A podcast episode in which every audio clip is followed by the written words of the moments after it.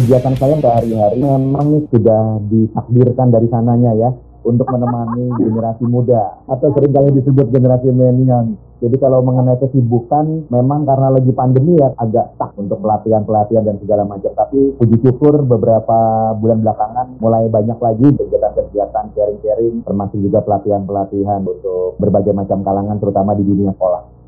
Jadi singkat ceritanya sebenarnya kalau ditanya mengapa saya tertarik dalam dunia youth ya, remaja, teenager ini adalah yang pertama karena faktor passion. Jadi selama kehidupan saya dari mulai saya lulus sarjana, kebetulan memang background saya sarjana pendidikan ini, jadi guru sebenarnya saya ya, konselor, guru Iya. desa. Dia master Nah, pendidikan. Dari situlah mulai pelan-pelan, walaupun sebenarnya awal mulanya katakanlah merasa masih merasa aneh, apa iya saya jadi guru, apalagi mendampingi anak-anak remaja, SMP. Tapi rupanya memang semakin dijalanin dari tahun ke tahun, hampir lebih kurang 15 tahun dalam dunia sekolah, dunia pendidikan, itu menjadi akhirnya menjadi jatuh cinta. Ibaratnya kalau orang Jawa bilang ya witing tresno jalaran toko kulino itu memang betul ya.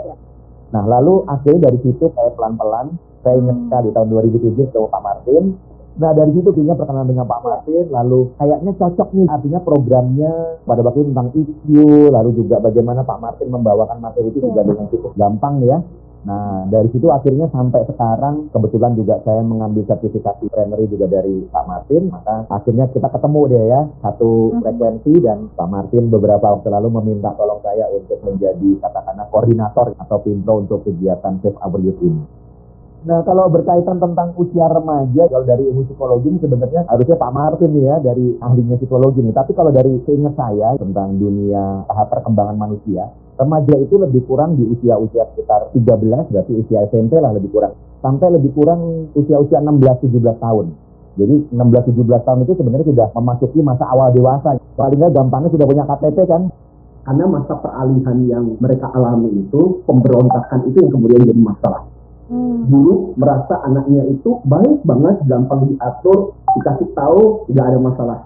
Tapi setelah memasuki masa remaja, gila anak gue susah banget diatur, selalu melawan. Kebanyakan seperti itu, jadi frekuensinya jadi berbeda. Dulu sama-sama AM, anak remaja sekarang jadi SM, orang tua masih di AM. Nah itu nggak ketemu. Belajar untuk menyamakan frekuensi itu loh. Karena dulu kita nggak diajari. Banyak orang tua mengajar dengan cara bagaimana dulu diajar.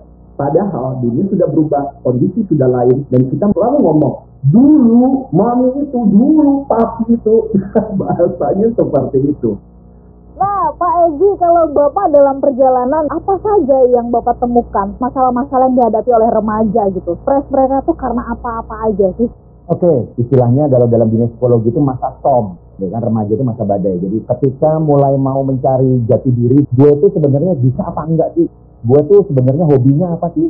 Nah, jadi di masa itu memang mereka sedang bergelut mencari dirinya tuh siapa. Sementara dari luar, dari orang tua, ya di rumah sering kali mengatakan tentang ini itu yang kenapa nggak bisa dilakukan. Lalu seperti tadi Pak Martin katakan juga, dulu papa mama tuh begini loh ya, papa mama tuh juara satu loh ya, dapat nilai itu gampang kamu itu cuma belajar aja bla bla bla bla bla gitu ya. Salah satunya lagi yang membuat berbeda dengan katakanlah remaja zaman dulu ketika saya atau misalnya kayak Pak Martin dulu ketika kami remaja itu adalah bedanya salah satunya ada dunia komunikasi.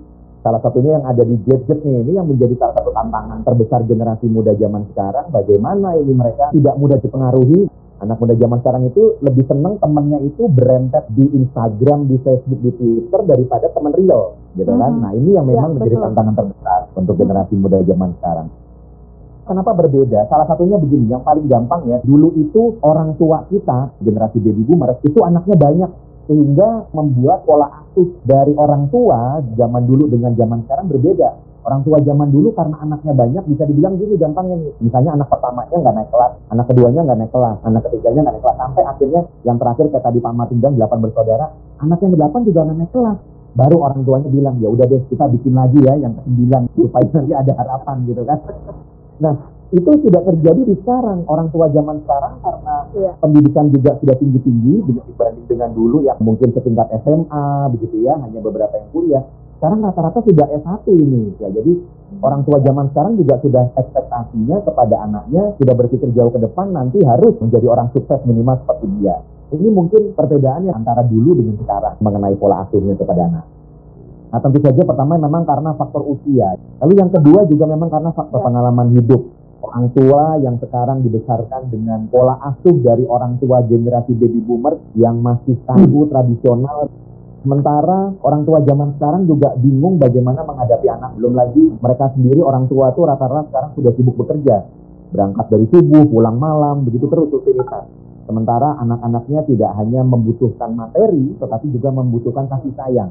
Sementara orang tua zaman dulu, orang tua generasi baby boomer, rata-rata itu punya banyak waktu luang bersama dengan anak-anaknya. Itu salah satu perbedaannya mengapa kok zaman dulu dengan zaman sekarang kok kayaknya lebih ribet zaman sekarang. Dan orang tua memang perlu belajar. Berkaitan tentang program kami Save Our Youth ini sebenarnya ini salah satu yang kami tawarkan mudah-mudahan bisa menjadi solusi. Dan yang perlu mungkin saya sampaikan juga di sini bahwa program ini bukan cuma saya sendiri loh ya. Jadi ada cukup banyak teman-teman yang akan siap membantu semua kalangan untuk belajar bersama, sharing bersama dalam program ini. Kalau saya bilang ini sekolahnya untuk orang tua. Benar, kalau saya menggambarkan situasi kita, orang tua di satu sisi, remaja di satu sisi. Kan ada gap. Makin lama makin jauh. Pertanyaannya adalah, yang bisa menjembatani siapa? Susah buat kita untuk mengharapkan bahwa si remaja, kecuali remaja itu betul-betul matang. Maka yang bisa adalah yang dari sudah lebih dewasa turun ke bawah. Berarti orang tua yang harus berusaha untuk menjembatani gap itu. Belajar untuk berkomunikasi lebih baik, belajar untuk memahami. Memang kemudian banyak orang tua kemudian merasa bahwa capek. Tapi memang situasinya seperti itu ditambah dengan anak sekarang punya pelarian banyak banget. Makanya sekarang ini saya tertarik. Makanya pertama-tama sekali lagi saya mengucapkan terima kasih banget kepada Smart FM. Program ini sudah kita jalankan, jadi sempat terhenti waktu di masa pandemi. Karena awalnya Save Our Youth itu mau kita lakukan secara offline. Ketemu sama para orang tua, ketemu para guru. Tapi ketika online, justru akhirnya kemudian kayak seperti Mas Egi, trainingnya menjadi semakin intensif. Makanya kemudian kita berpikir, aha, kenapa kita nggak mulai lagi?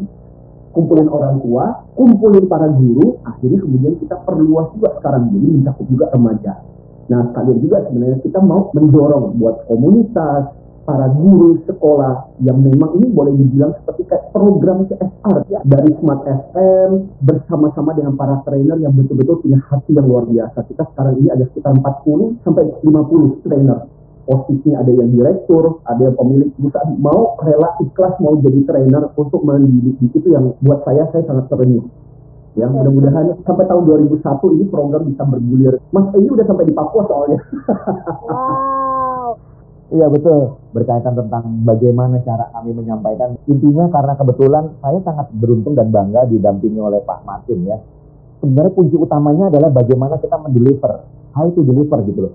Kalau orang tua itu hanya digurui, diceramain, pasti mereka tidak akan tertarik. Satu cerita nyata aja nih ya, ini baru terjadi kemarin hari Minggu yang lalu. Saya kebetulan mendapatkan undangan dari sebuah wihara di daerah Tangerang, itu mereka mintanya secara live. Dan ketika acara ini berlangsung, mereka rata-rata sudah membayangkan pasti akan diceramain. Nah, setelah acaranya selesai, saya tanya beberapa apa namanya orang tuanya, mereka mengatakan, Pak Egi, saya baru pertama kalinya mengikuti acara parenting semacam ini seperti ini. Tidak sama sekali ngantuk, bahkan tidak merasa diceramain. Kenapa? Karena saya tidak memberikan nasihat-nasihat, tetapi saya hanya menyentil-menyentil mereka dengan gaya khas saya, dengan humor-humor gitu ya, yang memang Ya. faktual yang dirasakan oleh para orang tua. sekaligus juga kita ingin mengumumkan kepada teman-teman rekan-rekan komunitas para orang tua para sekolah sebenarnya kepala sekolah juga yang tertarik dengan program ini Silakan menghubungi di nomor saya 0812 8726 4420. Sekali lagi 0812 8726 4420. Ya. Nah, jadi kami siap berbagi dengan Anda di mana pun berada, mau tatap muka, mau tatap layar silahkan. tahu nggak khusus untuk acara ini tips kita singkatan kita adalah remaja R E M A J A R reaksimu sekarang ini akan menentukan masa depanmu Oke. emosimu bisa jatuh naik tapi belajar untuk mengelolanya? You cannot stop the wave but you can learn to stop. M masa muda diisi dengan hal-hal yang bisa menjadi investasimu untuk tuamu nanti. Kemudian A asalah berbagai skill mumpung masih muda. Kemudian J jangan lari dari masalahmu dan latih otot-ototmu supaya semakin kuat. Dan terakhir A ya. akhirnya yang menentukan adalah aku ambisi, kemampuan usaha aku.